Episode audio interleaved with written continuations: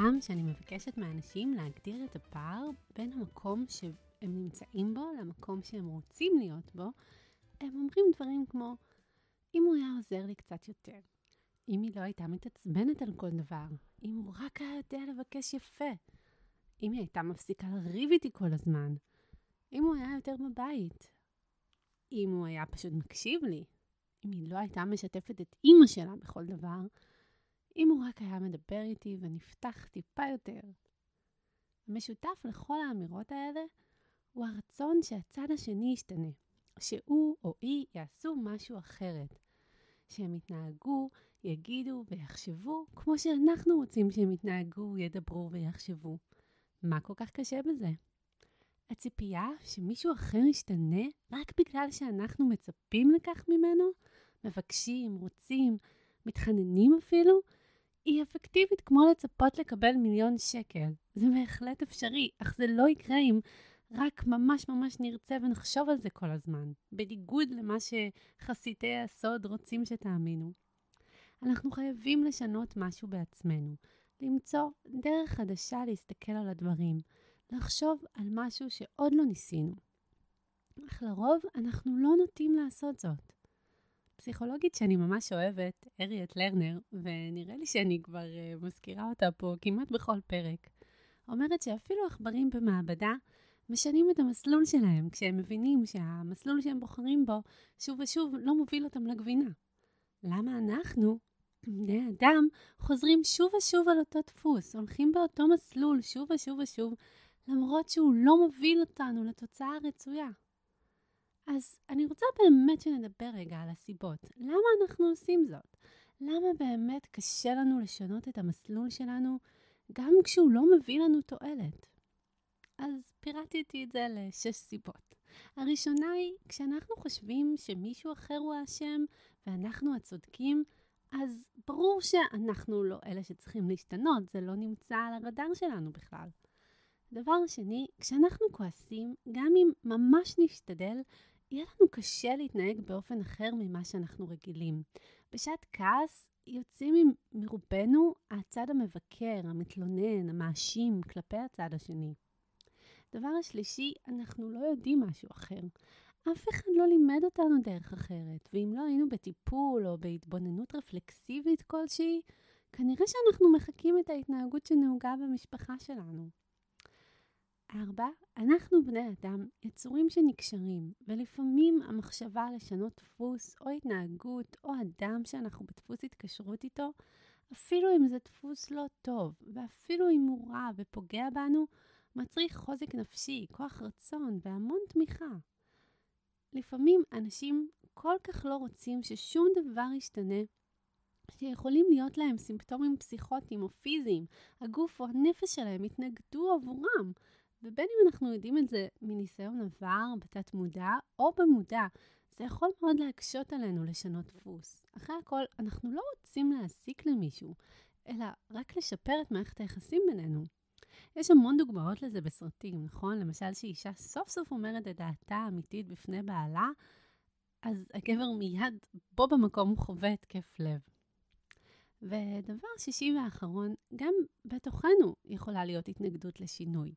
בגלל המורשת המשפחתית שלנו, אנחנו עלולים להרגיש אשמה על כך שאנחנו לא מתנהגות או מתנהגים כפי שחינכו אותנו, וזה קורה לנו באופן לא מודע. למשל, במשפחה שאני גדלתי בה, צריך להתייחס לגברים בכבוד, ותמיד לקבל את המילה שלהם. אני, כסוררת במשפחה שלי, מעבר לזה שאני זוכה לבוז מדי פעם מצד בני המשפחה שלי, אני חווה גם התנגדות בתוך עצמי.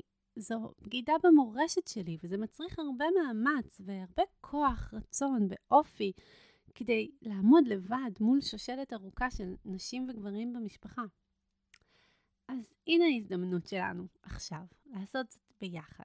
דמיינו שאני עכשיו מולכם, או מחזיקה לכם את היד, אם זה מה שנוח לכם, ומזמינה אתכם להתבונן יחד על דפוס שהייתם רוצים לשנות ביחסים שלכם. איך זה נראה? התפרצויות כעס, חוסר תקשורת, יכולת להקשיב, מדברים ומדברים, כועסים, מציבים אולטימטומים אפילו, ועדיין הצד השני לא משתנה, או שאולי משתנה לכמה ימים וחוזר חזרה. אולי יש הרבה ביקורת ביחסים שלכם. אולי אתם מזלזלים אחד בשנייה. אולי אתם מסתגרים בחדר ובוכים. אולי אתם מחזיקים הכל בפנים ומבליגים עד שאי אפשר יותר והכל מתפוצץ בתחושה חסרת מעצורים ואתם מרגישים אשמה אחר כך. האם אחד מהדפוסים האלה נשמע מוכר? אולי אתם מזהים דפוסים אחרים במערכת היחסים שלכם. מה הם? מאוד עוזר לכתוב אותם וגם לשתף. אתם מוזמנים לשתף אותי או אדם קרוב. הדבר הראשון והכי חשוב שאני מזמינה אתכם לעשות זה קודם כל להתבונן, לצפות בהתנהגות שלכם בזמן שהדפוס הזה בפעולה, כאילו הייתם צופים מהצד, ורק תבדקו מי עושה מה, בתגובה למה ומתי.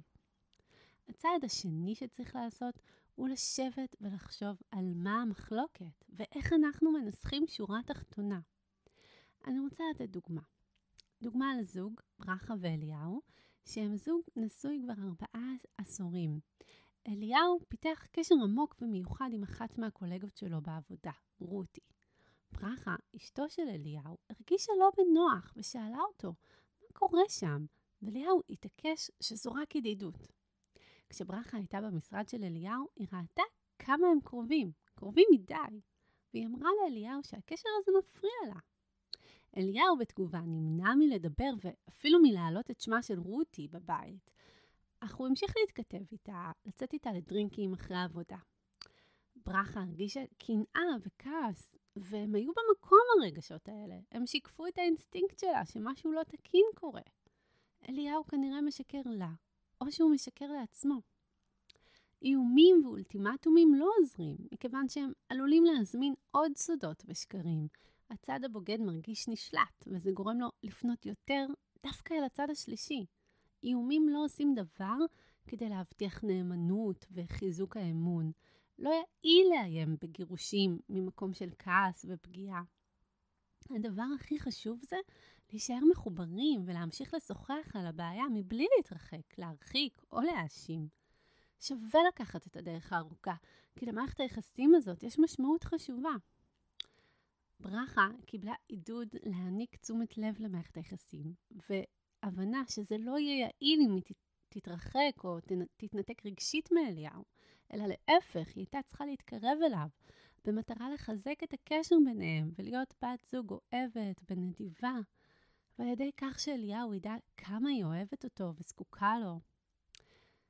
ברכה לא אמורה להתפשר ולאפשר לאליהו לנהוג איך שהוא רוצה, אלא העצה היא שהיא תיתן למערכת היחסים שלהם את הסיכוי הכי טוב ואת הגרסה הכי טובה של עצמה, תוך כדי שמירה על תקשורת עם אליהו, כך שנושא מערכת היחסים השנייה שלו לא ירד מהפרק.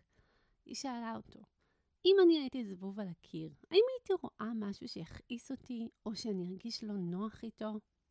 היא שאלה אותו בזמן חיבור וקרבה, ולא מתוך כעס או מרחק. היא הזמינה אותו לומר לה את האמת, לא משנה כמה היא כואבת.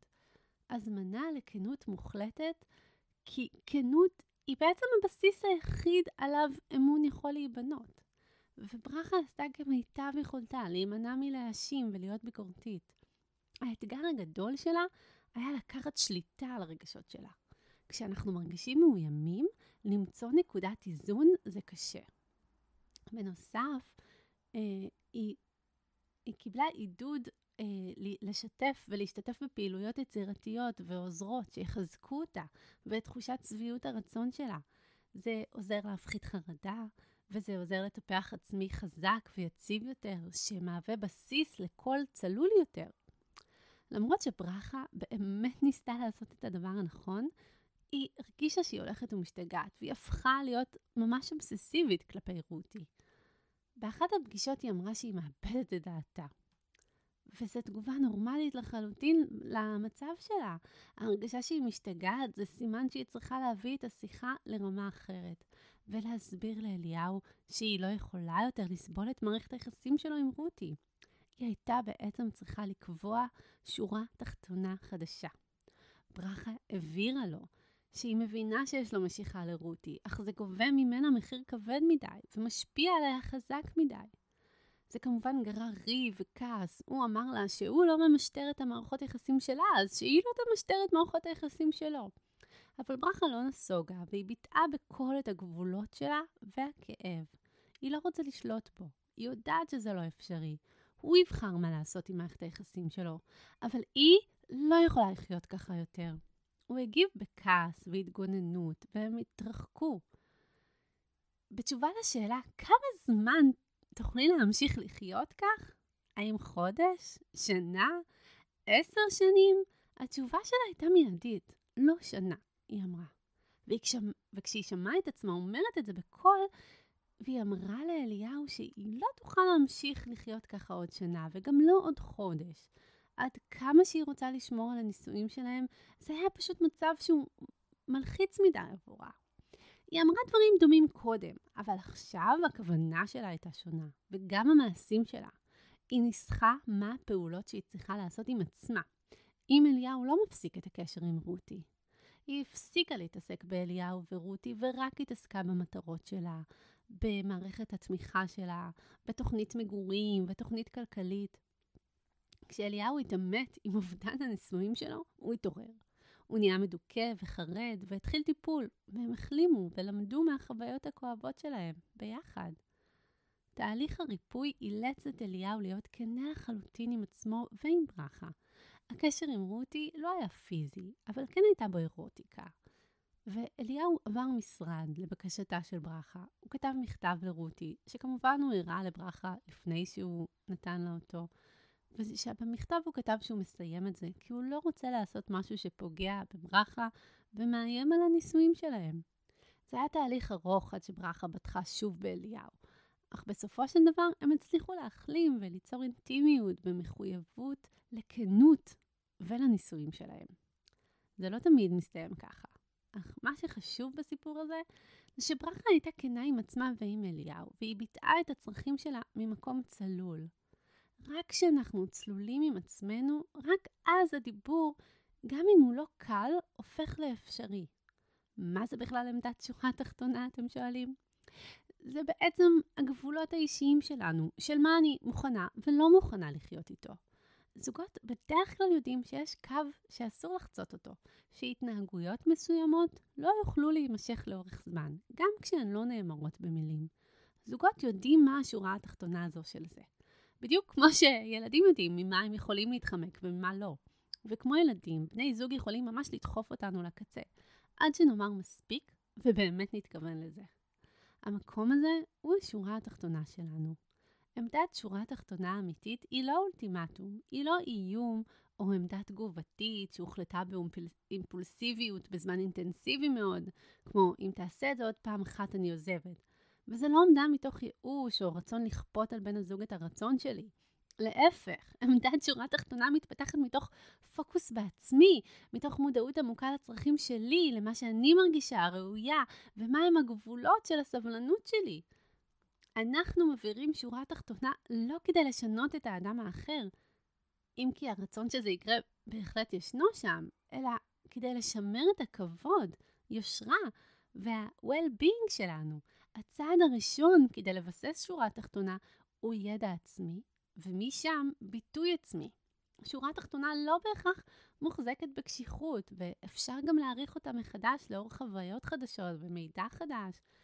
הערכה מחדש היא לא אותו דבר כמו ללכת בדרך שהוכתבה לי על חשבון מי שאני ועל חשבון העצמי שלי.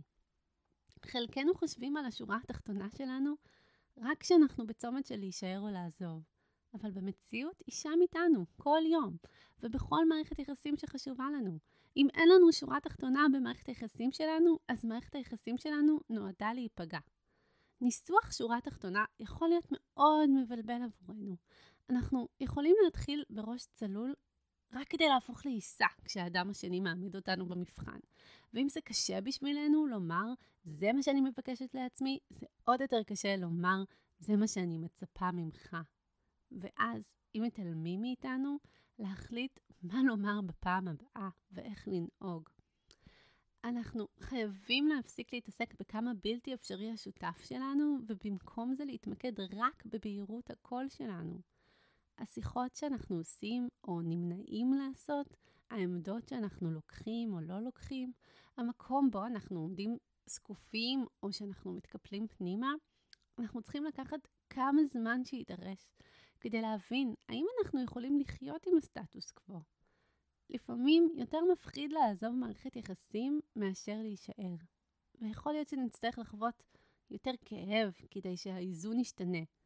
אם נקבל את העמדה החדשה שלנו, אנחנו נתנהג ונדבר ממקום אחר. זה לא עניין של לשנות את האדם האחר, אלא אמירה, כפי שאני רואה אותה. זאת ההתנהגות שלך, והיא הורסת את מערכת היחסים שלנו. אני לא יכולה להמשיך ככה ועדיין להרגיש טוב כלפי עצמי, או כלפיך והחיים שלנו יחד. כשאנחנו באמת מתכוונים לזה, המהלכים הנגדיים או המחאות של האדם השני לא יזיזו אותנו. האדם האחר יוכל להגיד, את לא מקבלת אותי כפי שאני, או את מנסה לשנות אותי, או את רוצה לשלוט בי. התגובות הצפויות האלה הן לא נקודה. רק האדם השני יכול להחליט איך הוא רוצה להתנהג, על מה הוא מרגיש אחריות, על מה הוא מרגיש שיש לו זכות לבקש, איזה אדם הוא רוצה להיות ומה הוא מוכן או לא מוכן לשנות. אבל אנחנו לבדנו אחראים בלעדיים לאותן החלטות בדיוק. וכדי לבאר מתי לא נישאר במערכת יחסים כי היא כואבת מדי או פוגעת מדי. ובהחלט, כשאנשים מגיעים אליי לטיפול לבד והם רוצים לשנות או לפרק דפוס שמפריע להם, אחרי שניסחנו ואנחנו יודעים מה ההבדלים והמחלוקת בין בני הזוג, ואחרי שניסחנו עמדת שורה תחתונה, אני בהחלט מכינה אותם לכך שהצד השני הולך לאתגר אותם בשורה של מהלכים נגדיים, שכולם נועדו למנוע את השינוי ולשמור על סטטוס קוו. אני רוצה לתת דוגמה נוספת של שינוי דפוס.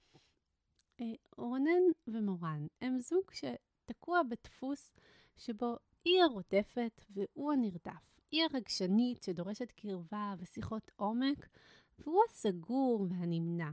רונן מכור לעבודה, ולא, ולא נותן או לא משתף את מורן ומבלה איתה כמו שהיא הייתה רוצה.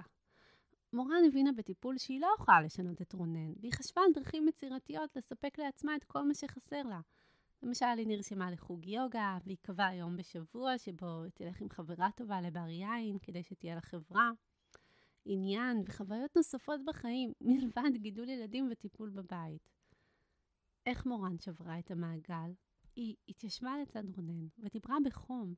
היא אמרה לו, אני מרגישה שאני חייבת לך התנצלות. אני מרגישה שהעמסתי עליך, נדנדתי לך, רציתי שתספק לי משהו שהאמת היא שאני צריכה לספק לעצמי. אולי זה נובע מכך שלך יש את העבודה שלך, ולי יש רק את הבית והילדים. היא לא רדפה אחריו ונשארה חמה אליו, אך היא העבירה הרבה אנרגיה חזרה לעצמה. הוא, רונן, התמלא חרדה וניסה ליזום ריבים, אבל היא הסבירה את הרצון שלה בחברה.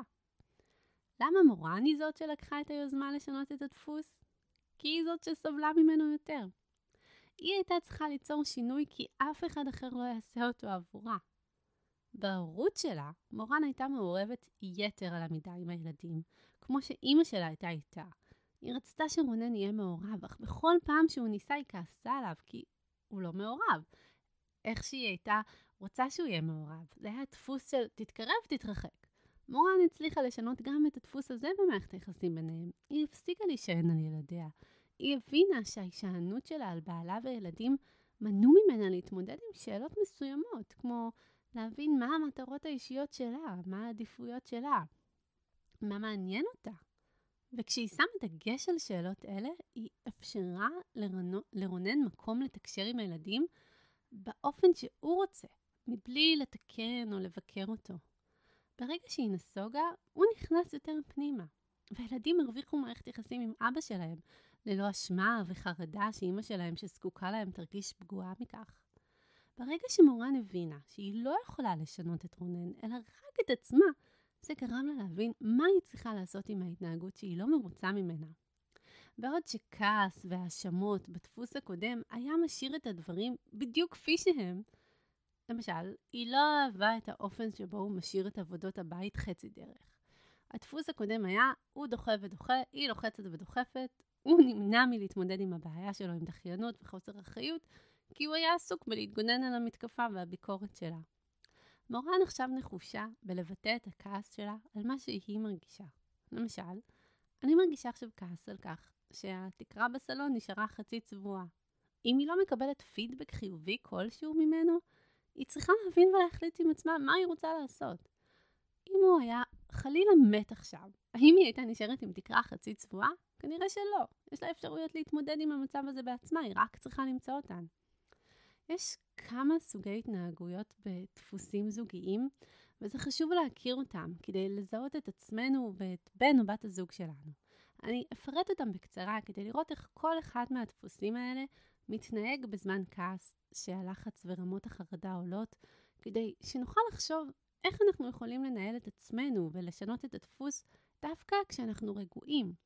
כי כמו שאמרנו, הצעד הראשון בשינוי דפוס הוא התבוננות. בזמן שאתם מתבוננים איך אתם מתנהגים בשעת סערה, תוכלו לנתח את המרכיבים השונים ולהתכונן בזמן רגוע ושקט. אז הדפוס הראשון הוא הרודפים. הרודפים מגיבים לחרדה על ידי כך שהם מחפשים קרבה במערכות היחסים שלהם. יש ערך גבוה עבורם לדבר על הדברים ולהביע פידבקים, והם מאמינים שאחרים גם צריכים להתנהג ככה. הם נפגעים ולוקחים אישית אם מישהו רוצה זמן לבד ומבקש space, והם נוטים לרדוף חזק יותר ואז לסגת כשהאדם מולם מבקש מרחק. עלולים לתייג אותם כתלותיים או דורשים יתר על המידה, והם נוטים uh, לבקר את בני הזוג שלהם כאנשים שלא יכולים להתמודד עם רגשות. הסגנון השני הוא מתרחקים. המתרחקים מחפשים מרחב אישי כשהמתח גבוה. הם מגדירים את עצמם כאנשים שסומכים על עצמם, פרטיים מאוד, אנשים שעושים זאת בעצמם. קשה להם להראות נזקקות, חולשות, ומבליטים את הצד העצמאי שלהם. הם נתפסים כלא מסוגלים להתמודד עם רגשות, ולא פנויים רגשית לבני הזוג שלהם. ניהול החרדה בזוגיות שלהם על ידי העצמה של פרויקטים שקשורים בעבודה. יכול להיות שהם יבחרו לחתוך לגמרי ממערכת היחסים כשהדברים הופכים להיות אינטנסיביים מדי, במקום להיאחז ולנסות לפתור. והאמת היא שהם נפתחים די בקלות כשהם לא נרדפים וכשלא מלחיצים אותם. הסגנון הרביעי הוא תפקוד נמוך. אנשים עם תפקוד נמוך, יש להם תחומים שונים בהם הם לא מצליחים להיות מאורגנים.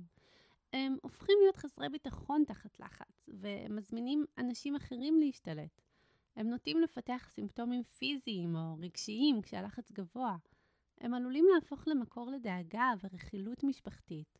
תוויות כמו החולה, השברירי, הבעייתי, חסרת האחריות, קשה להם להראות את הצד החזק שלהם במערכות יחסים.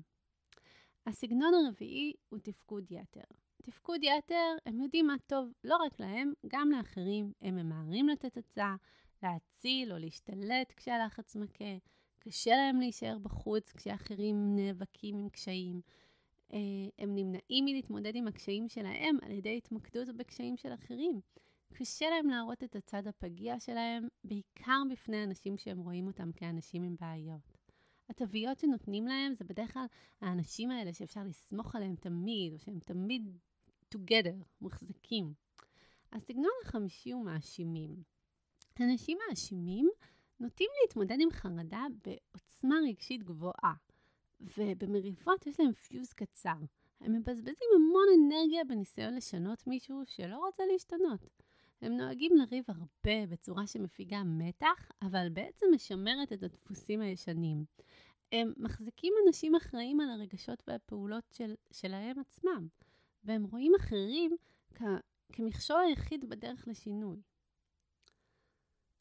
אז כשחרדה עולה בין שני אנשים, הרבה פעמים יהיה קשה לנו להפנות את הכעס שלנו כלפי אותו אדם, ויכול להיות שנמצא אדם שלישי להפנות אליו את זעמנו. הרבה פעמים צלע שלישית תמצא את מקומה מהר מאוד במצבים מעוררי חרדה שכאלה. בדרך כלל זה יהיה מישהו שנתפס בינינו כחלש יותר, כמו אישה נוספת, או ילד, או מישהו בדרגה נמוכה יותר משלנו בעבודה. אנחנו אפילו לא מודעים לזה, ואז אנחנו הרבה פעמים נמצא שאנחנו בדפוסים משולשים ולא זוגיים, שהם מעניינים ומורכבים מאוד. אה, כמו הרבה פעמים נראה את זה אימא, אבא, ילד, או אישה, אימא אה, של האישה והבעל. המטרה של משולשים היא לשמור נושאים מעוררי חרדה מתחת לפני השטח ולהתעסק במשהו אחר. אני לא אגע בפרק הזה בדפוסים משולשים, פשוט כי כבר נגמר לנו הזמן להיום. אה, אם זה מעניין אתכם, תכתבו לי ואני ארחיב על זה בהמשך. אז רק לסיום, כמו שאמרנו, הדרך לשנות את הדפוס מוטלת על מי שסובל ממנו הכי הרבה. היכולת לנסח בבהירות את העמדה שלנו מצריכה יכולת התבוננות פנימית והתבוננות על המתרחש בזמן ויכוח או כעס שמשמר את הדפוס. והיכולת לדבר על ההבדלים, לדבר על הצד השני בכבוד, באהבה, בחום, ולדבר על עצמנו ועל הצרכים שלנו, תוך כדי הכנה מוקדמת של התגובות שלנו לתגובות הנגד של בני הזוג שלנו, והאופן שבו אנחנו מגדירים לעצמנו עם מה אנחנו יכולים ולא יכולים לחיות, ולהתנהג לפי מה שאנחנו צריכים. אני מאוד אשמח לשמוע איך הפרק הזה שירת אתכם. האם הגעתם לתובנות חדשות? האם הוא עזר לכם להבין טוב יותר את הדפוסים שלכם ולנסח התבוננות חדשה, עמדת שורה תחתונה, תוכנית פעולה? שתפו אותי בכל תובנה, פריצת דרך, אה, וגם בהצעות לשיפור ודברים נוספים שהיו מעניינים אתכם להבין לעומק ולדעת כדי ליצור מערכות יחסים טובות יותר. אז uh, נתראה בפרק הבא. ביי ביי.